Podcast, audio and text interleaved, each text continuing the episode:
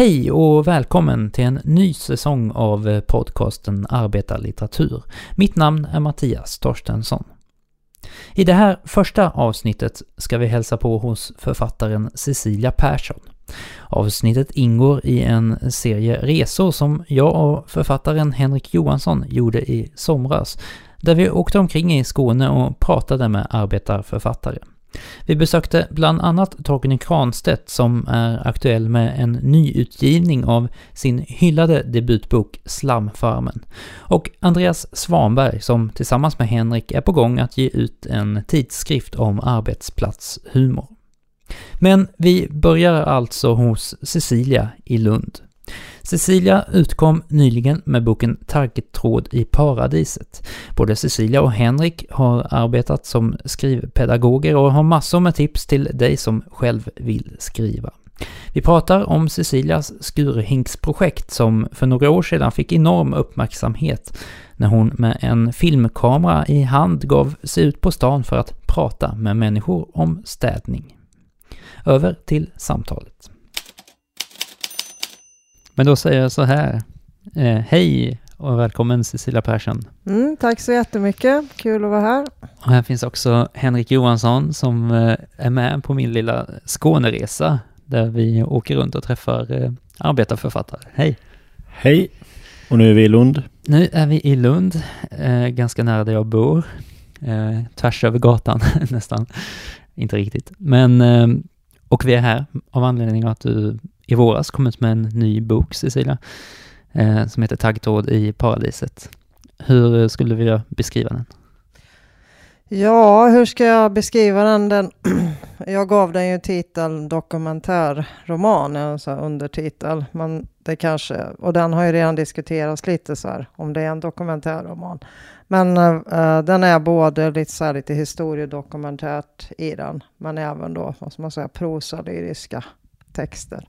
Vad är det som har diskuterats om huruvida den är en dokumentärroman? Ja, jag tror att dokumentärroman mer hör hemma i någon slags, vad ska man säga, social realistisk tradition. Så, så att det blev väl lite så. Att, och att då förväntar man sig kanske någonting annat. Att jag skulle ha skildrat någon dokumentär händelse. Jag ja, kan tänka mig att det är det.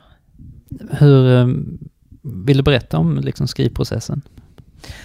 Ja, det kan jag göra. Um, den här boken är lite så här att, eh, ja, lite olika så fragment hit och dit och så här, lite idéer som jag har haft. Och sen brukar det funka så för mig att jag, jag går omkring och vegeterar mycket eller så här tänker. Och sen när jag väl kommer igång och skriva så brukar det gå ganska fort. Så, så den här skrev jag väl på tre och en halv månad ungefär. Så blev, alltså så. Men då skriver jag ju väldigt intensivt då under den perioden. Men det är så är vissa idéer som jag haft så. Och sen så som jag ville. Och just det, vissa, det är ju någon slags sanningsfråga i boken tycker jag själv. Så, som, som ligger i botten. Så, vad är sanning? Så, men, eh, och sen så tyckte jag att jag hittade formen då. Sen gillar jag ju det här dialogiska. Det är ju det som jag tycker är spännande här att föra dialoger med olika ja, händelser och personer och verk och sådär. Mm. Ja. ja, för det är mycket referenser och ja. citat och sådär. Mm. Eh, vad, jag får uppfattningen att du läser väldigt mycket. Också. Ja, jo det gör jag. Mm, har alltid gjort det egentligen. Mm. Och ganska olika saker också. Ja, jag är lite där allätare. så, ja, nej men det är jag så. Jag, jag tycker det är, är intressant, liksom så, olika sätt att skriva och hur man förmedlar saker och så. Så jag kan lika gärna läsa Modesty Blaze som Dostojevskij. Men mycket, mycket musik också? Ja, jättemycket. Mm. Så. Jag är både en äh, litteratur och musiknörd. Sen nörderi. Ja. Ni jobbar ju, bo, eller ni har hjälpt andra att skriva båda två. Eh, på olika sätt, eller på samma sätt kanske också. Eh, om jag skulle få fråga er då, nu när jag har er här, vad, vad är det ultimata skrivrådet? Finns det ett sånt? Att skriva. att skriva. Ja, det är nog att skriva. Och någonting som återkommer kanske, det är kanske inte ett skrivråd, men i många fall i Taggtråd i paradiset så svävar Cecilias hand över delete-knappen. Och den är bra att låta bli liksom till i det längsta. Och med andra ord kanske då att, att kanske i alla fall i ett första läge när man skriver inte vara speciellt självkritisk utan få ner sakerna. Sen kan man bedöma senare dess kvalitet liksom. Vad är ris risken annars? Risk, risken är att man inte kommer någonstans. Att man eh, till exempel, jag skriver mest romaner och det är att man liksom börjar på, skriver 20 första sidor och så är man inte nöjd med dem. Så börjar man på sida 1 igen och så är man inte nöjd efter 20 sidor och så börjar man om. Att man istället skriver till slutet och sen börjar om ett nytt utkast kanske. Sen hålla fingret över delete-knappen. Man kommer radera mycket liksom, men inte det här fullständiga raderandet.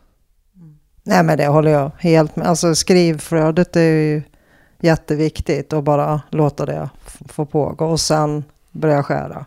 Mm. Så det, ja.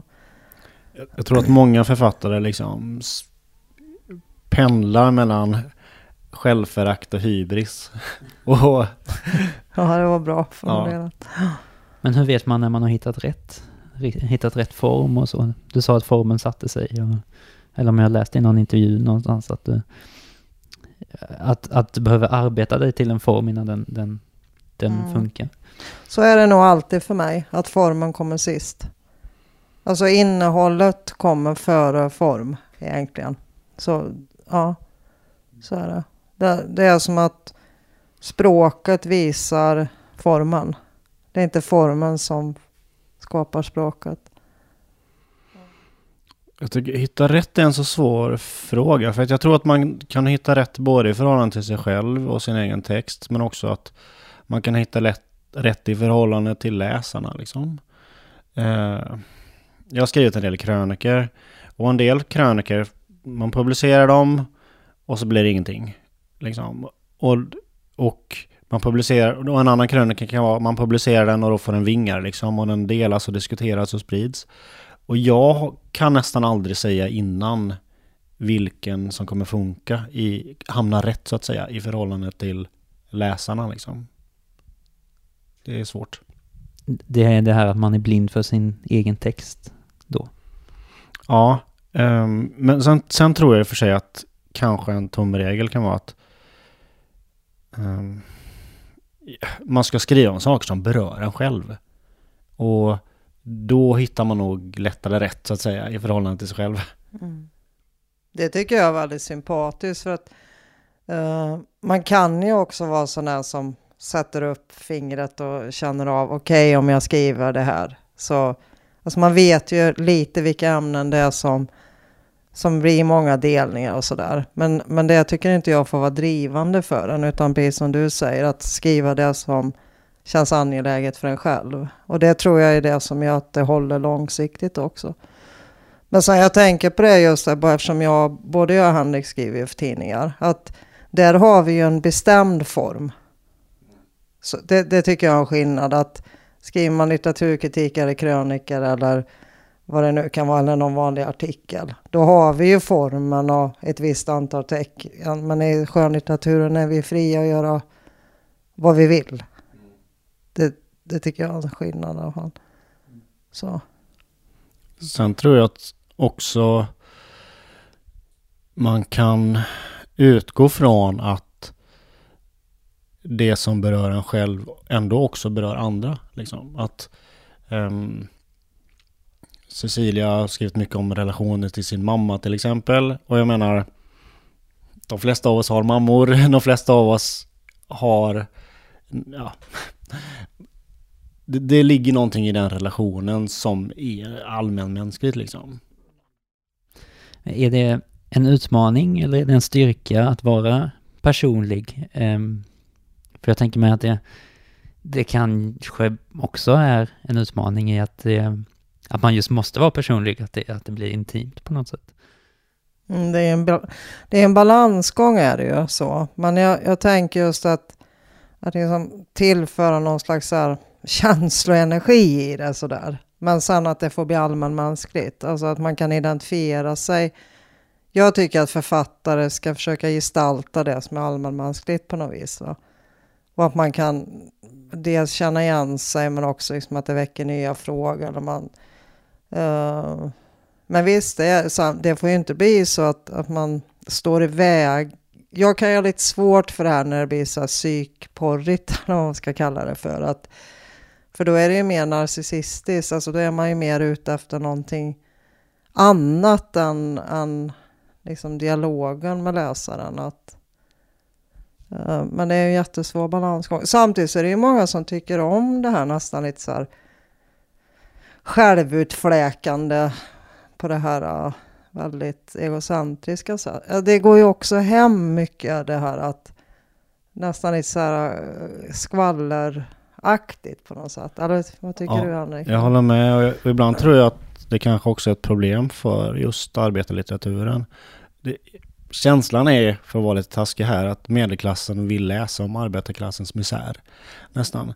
Men, och jag tycker en av de bra grejerna med taggtråd i paradiset också är att eh, du inte är så utlämnande. Så att det hade kunnat vara mycket mer psykporrigt till exempel. Mm. Jag blir jätteglad att du säger, för just det var jag ju, försökte jag ju vara noga med. Att, att det inte var det på det här privata sättet. Så. Uh, och sen tycker jag också, nej men just att eh, vissa så här, arbetarlitteraturen blir någon slags projiceringsyta. Eller så, liksom, och så kan man förlägga allting på, på liksom klassen där då som är lite sämre än den andra, medelklassen då.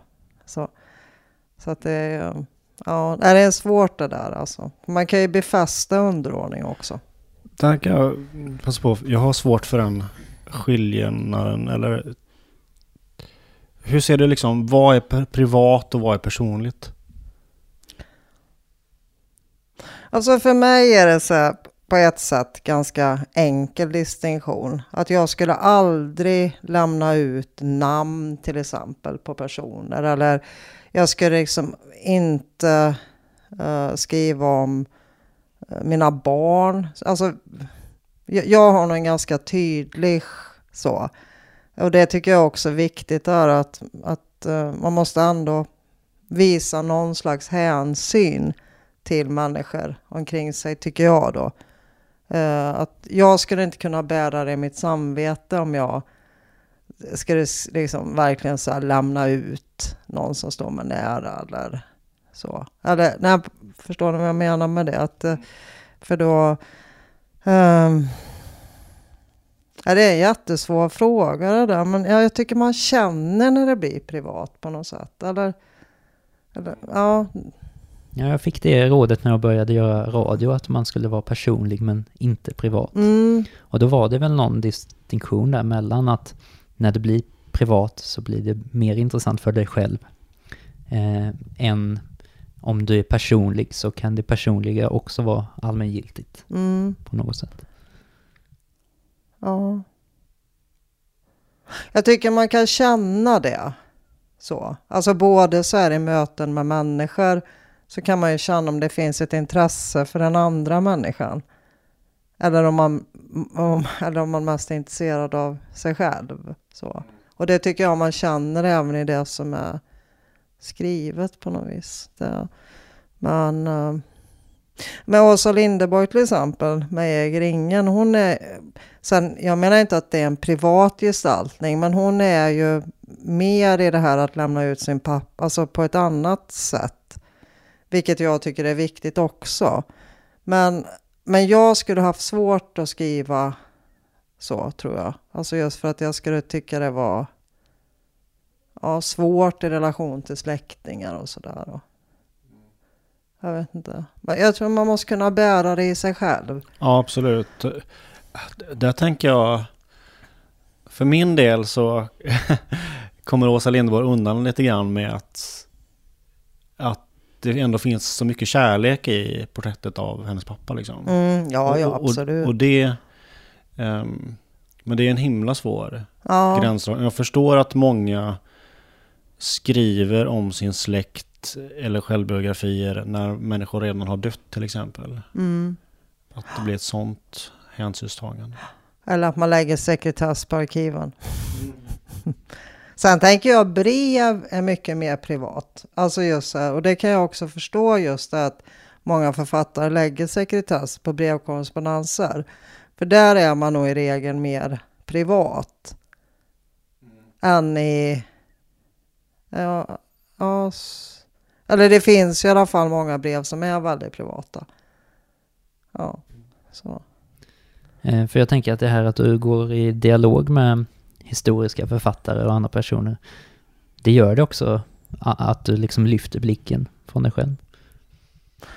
Ja, jag, jag tycker det är så stimulerande också. Alltså, och, alltså jag tycker det är stimulerande just att var, var finns det en nämnare här och vad kan vi lära av varandra så. Alltså jag, det, det tycker jag är intressant och också det, precis som du säger, att det är också ett medvetet grepp att inte hamna i för mycket liksom, narcissism där det mest blir en bespegling av mig själv. Alltså jag, jag tycker väl att, att man bespeglar varandra på något sätt. Va? Så, så att, ja. Jag tänker att till viss del så väljer du att gå i dialog med kvinnor som prioriterar kanske den politiska kampen eller litteraturen ibland på bekostnad eller före sin egen personliga lycka. Mm. Eller? Ja, och det... Och det tror jag antingen kan vara ett medvetet feministiskt val faktiskt. Om man tänker på Fågelstadgruppen till exempel så var det ju många av de kvinnorna som medvetet valde bort familj. För att den politiska kampen gick före. Men det innebär ju inte att det är ett svårt val. Eller Rosa Luxemburg. Alltså det finns ju många av de här kända feministerna som faktiskt har gjort det. Eh, men sen så tänker jag att det är den här, alltså det är ju en så väldigt liksom klassisk könsfråga. Att, att om man nu tänker kvinnor på något sätt liksom förväntas ta hand om familj och sådär. Det ligger ju så mycket där i kvinnorollen. Så det här att skriva är ju en, alltså att man avviker. Så. Och jag tänker att just att, för det är också sånt där skrivråd som jag brukar gett, att liksom Ska du skriva nu så ge fan i och spring ner i tvättstugan. alltså ta dig rätten till det där. Och det tycker jag har varit återkommande när jag har har undervisat skrivande. Just att många har uttryckt det. Att det är det som är svårt. Att faktiskt ta sig rätten att jag vill inte bli störd. Jag, nu, nu ska jag skriva. Ja, det är väl aldrig man städar och tvättar så mycket som när man ska skriva. Det är ju flyktmekanism också. Ja, ja det kan Ja. vara skrivkrampsproblem. Ja, Ja. så. Men, ja. Nej, men jag, och det tänker inte jag med. Det är ju samma sak för manliga författare. Jag vet Ulf Lundell sa det i någon intervju att eh, den värsta älskarinnan man har är ju, är ju skrivandet. Mm. Att det kan ju, alltså att man kan ju känna sig väldigt utesluten som partner Ja, också. Om, om man lever med någon som kräver så mycket ensamhet. Jag gör det i alla fall. Mm. Jag kräver ju väldigt mycket liksom egen space. ja. Jag, jag tänker att för min del var det en anledning att gå en skrivutbildning var liksom inte bara undervisningen och inte bara att hamna i ett skrivande sammanhang utan också att så här, nu tar jag det här på allvar, nu gör jag det här lite grann. Eh, och jag tror att skrivkurser och sånt kan funka på det sättet att då kan man inte göra något annat när man sitter där i klassrummet i alla fall. Liksom.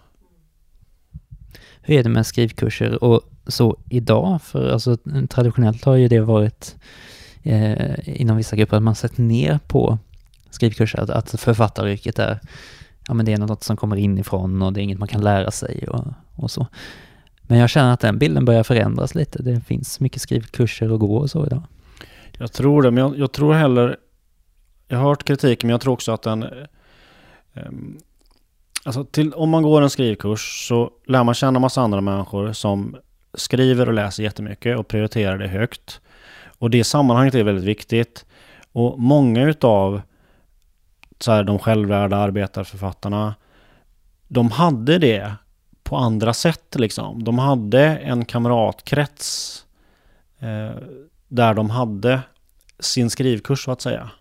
Nu är skrivkursen mer formaliserad då ju såklart. Men att jag tror att det här skrivande sammanhanget är väldigt viktigt. Att ha några att läsa och skriva med tillsammans med. Jag tänker lite att det är både och. Alltså sådär att jag, jag tror fortfarande att det finns ett visst fnysande åt författarutbildningar. Alltså jag tror inte att det är rakt igenom så.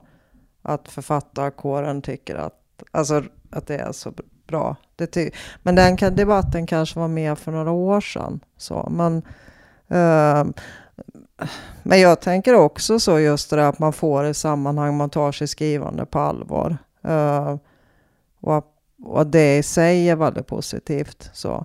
Sen jag hade en, en skrivkurs som var helt fantastisk i roman och novellskrivande. Och då, det blir ju också det att man, man pratar ju så mycket om, som jag tycker, då, eh, väsentliga saker. Men just den skrivkursen var helt fantastisk. Och sen när vi skulle så gå ut och käka som avslutning, då vi, blev vi helt förvirrade när vi liksom Jaha, är du advokat? Jaså? Du, alltså, för allt det där utanpå verket hade varit helt frånvarande i skrivrummet. Och det är också helt fantastiskt, va? att man faktiskt får visa någonting helt annat av sig själv. Annars brukar vi ju börja det, ja, vad jobbar du med? Och, och det, det fanns inte, så det var också så här, ja. Sen är det ju häftigt där att se när någon verkligen förlöses tycker jag. Det har jag varit med om några gånger. Liksom. Det, det är ju jättekul tror jag Henrik, när man liksom bara wow, när någon bara får fatt i sig själv och liksom. Mm, ja. ja. Och man kanske... Det låter nästan arrogant, men ibland sådär kan det vara så att folk har en uppfattning om vem de själva är och vad de tror att de ska skriva, de tror att de ska bli för slags författare. Och så, men sen så väljer de att skriva en helt annan text. Och så visar det sig att där fanns den tonen och språket på något vis. Och kanske temat som, som verkligen satte igång saker. Vi ska gå vidare och prata om eh, ditt skurhinksprojekt, tänkte jag. Mm. Eh, det är några år sedan nu, men eh, jag kommer inte ihåg om du pratar om den här boken i någon intervju som, som en del i det projektet också.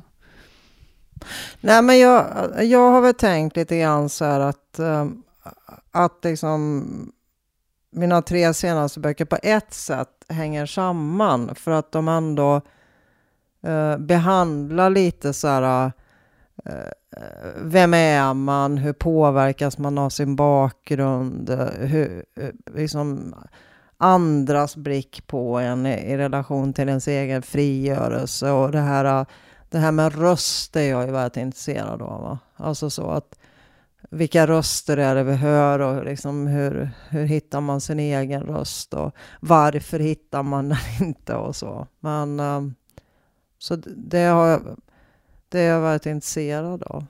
Om vi ska sätta in lyssnaren i ett eh, sammanhang här då. Vad, det här skurringsprojektet, det var att du eh, gav det ut på, på stan och det började väl som att du, du mm. filmade människor mm. med en mm. skurhink i, ja. i hand. Ja, det var otroligt roligt var det. Alltså sådär. Jag, jag är ju lite sån att jag får såna här lite så här halvknappa idéer och sen så, så gör jag dem. Det tycker jag själv är min bra sida. Så. Men, eh, och det var ju hur roligt som helst. Så då hade jag liksom skurhink och skurborstar och så här. Och så, ja, så var det en kille som filmade då. Och så Fråga sig, ja, hur ser du på städare och vad tycker du de ska ha i lön och hur städ, alltså så. Och det, blev, och det, det var verkligen så här lättpratat. Så. Och liksom från olika samhällsklasser. Och jag stod utanför biblioteket till exempel. Jag valde lite så här bra platser att stå på. Eh, men det, ja, så det är ju så städning. Städning liksom är ju i allas liv. Men det var också väldigt intressant hur olika man ser på det. Så. Ja. Men vad var, och sen blev detta då en, en eh, du började skriva i kommunalarbetaren också, mm. skurhinksrapporter. Ja. Och så mynnar detta ut sen i en bok. Ja, och två utställningar. Så, Mm. så att jag hade en utställning på Lunds stadsbibliotek och en i Helsingborg. Så, men, eh, ja, men hela det, det var, det var så...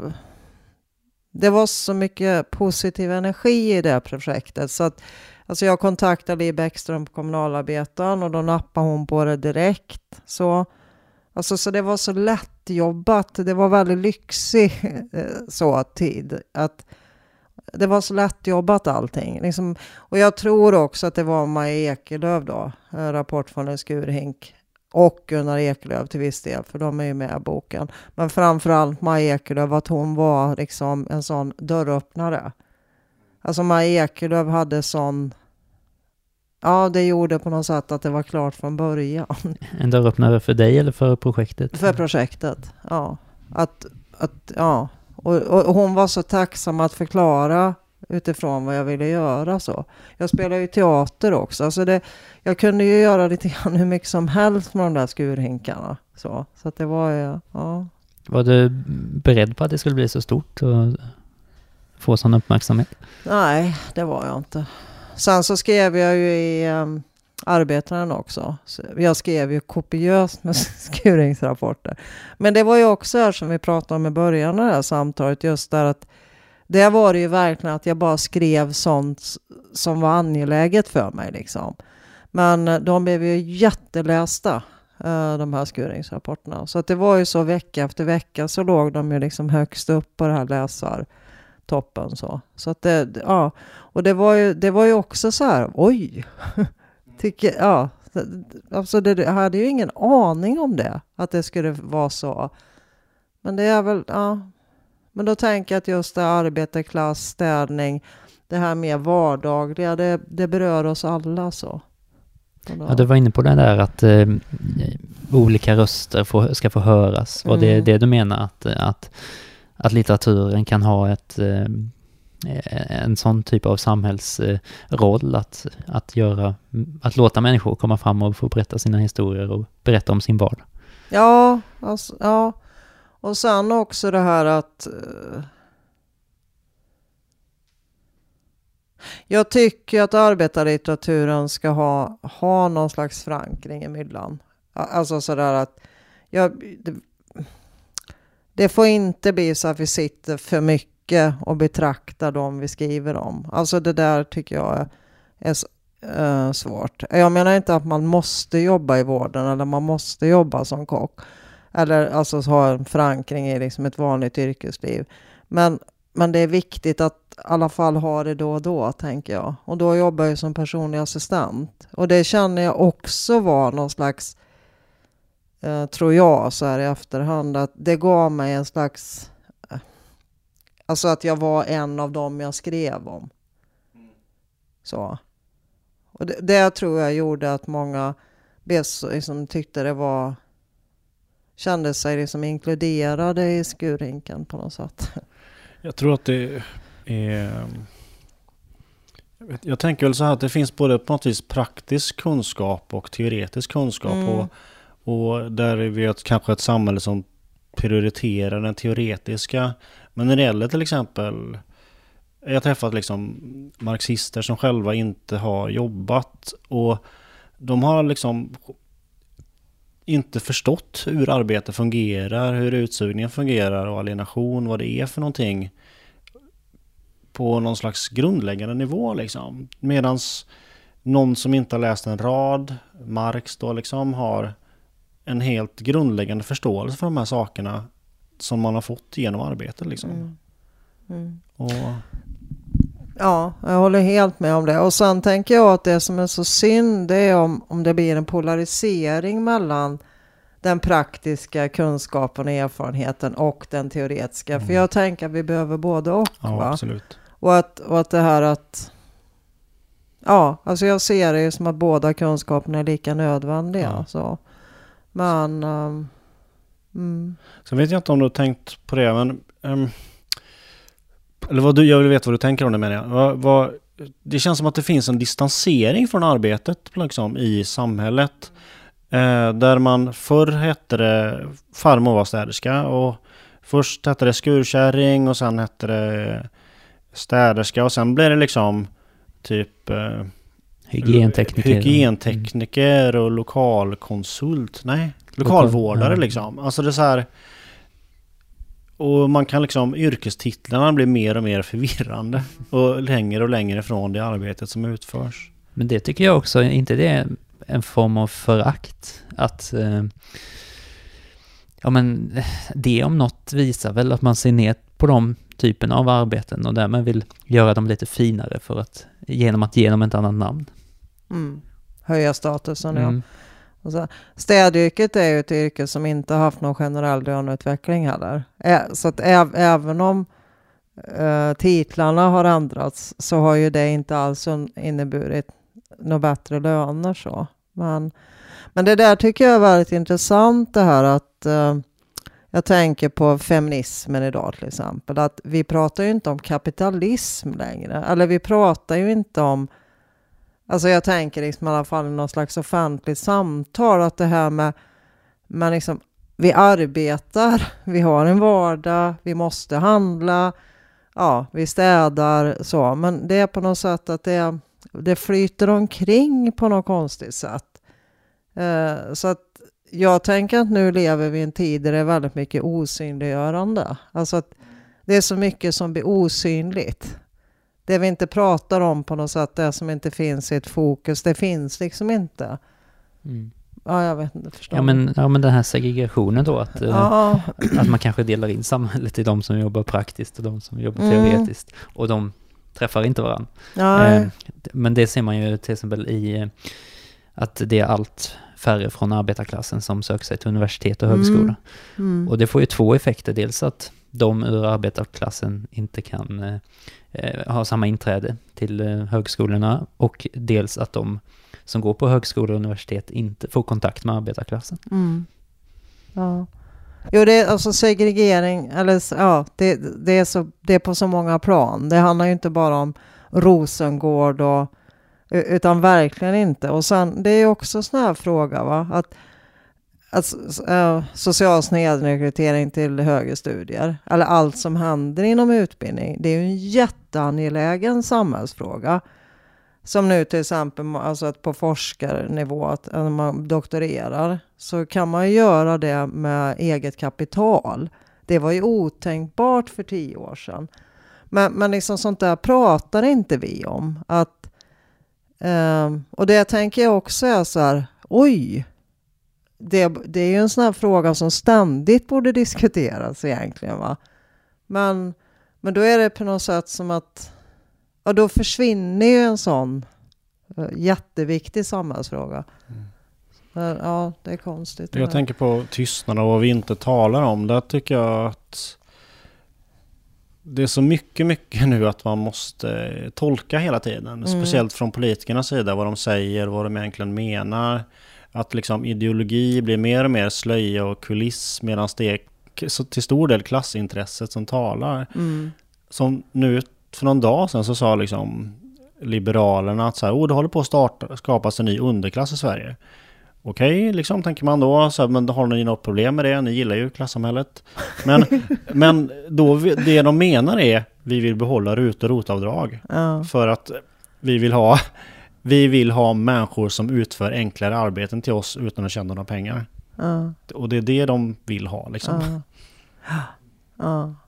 Och där tänker jag också det här just vad viktigt det är eh, med båda kunskapskompetenserna. Att har man pluggat på universitetet tror jag att man får de analytiska redskapen. Att, som du säger där, att jaha, vad säger de här egentligen? Så.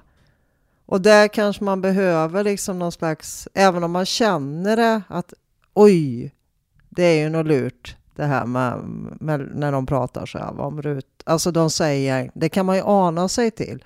Men då tänker jag att det är jätteviktigt att det finns ändå författare och samhällsanalytiker eller ja, litteraturvetare som ändå kan analysera vad är det som sägs. Och- sen så får ju det ske då i det här att man pratar med varandra. Va? Men att texten är ju så viktig på det sättet att här gör jag en tolkning. Mm. Vad säger du? Ja, man Ja. måste... En, ja. Nej, men att ha en vana att, att Ja. analysera och tolka ord, liksom. Språk. Till exempel. Men där är ju sammanhanget och samtalet extremt viktigt så att man hjälps åt med det. Ja. Mm. Ja, och att man då träffar människor från, som har andra bakgrunder än en själv. För det är ju stor, alltså i stor utsträckning så är det ju de som går till exempel på Lunds universitet som i framtiden styr samhället. Ehm, och sitter på de ledande positionerna och då är det ju viktigt att de under sin studietid har träffat vanliga arbetande människor. Ja, ja. Och sen Lund tycker jag är, alltså, är ju en... Här ser man ju klass oerhört tydligt egentligen. Eh, så. Uh, och jag, jag tänker, mina barn är ju 90-talister. Uh, eh, och speciellt min dotters kompisar. uh, de kommer ju från de här medelklassmiljöerna. Alltså så här, när, liksom, jaha, de har kunnat spara barnbidraget deras föräldrar köper lägenheter åt. Alltså, ja, och allt det här har ju, har ju mina barn börjat fatta nu. Så, när, när, just det här när, ja, när de ska börja plugga, när de ska flytta hemifrån. Oj! Skillnader som inte de tänkte på när de var typ 15. Ja, för min del var det också så att det, jag minns en väldigt tydlig, första gången jag träffade någon som var liksom riktigt rik var i gymnasiet. Eh, så att han, ehm, jag skulle jobba på McDonalds under helgen och han frågade varför det? Är inte det jättetråkigt? Jag Bara, jo, det, men jag gör ju det för att eh, få pengar. Och så, aha, eh, men får du inte du pengar utan din pappa? Frågar han. Och så bara, nej, nej det får jag inte. Så, och just att han inte, han behövde en förklaring till varför man jobbade på helgen. Det var inte självklart för honom. Det var, det var märkligt. Mm. Och det, det tror jag också just det här, det där tycker jag är så intressant, att när jag läste på universitetet eh, så förstod jag just precis det här, att har man inte haft kontakt med social utsatthet så är det att man faktiskt inte förstår att det finns inte folk som rent konkret inte har pengar. Alltså att man, och det tyckte jag även jag stötte på bland så kallade klassmedvetna personer. Att när det kom liksom in på huden så har man ändå en sån här omedveten känsla. Alltså man vet att man klarar sig för man har något bak i ryggen. Medan om man inte har det så, så tror jag man känner en större... Alltså man har känslan av utsatthet är starkare. Ja. Mm, tror jag. Så. Sen om jag hoppar tillbaks till din bok lite grann på tal om eh, ett minne av att eh, några minnen från att när du var på Poeten på hörnet och vi pratade om din förra bok var att du var så oerhört solidarisk eh, med en del utav arvodet, både ditt och mitt, gick till Sofia Rapp Johansson som efter hennes rättsprocess mot staten och eh, ett tema i Taggtråd i paradiset är en solidaritet som nästan gränsar till självdestruktivitet. Mm. Jo, jo, så är det. Mm.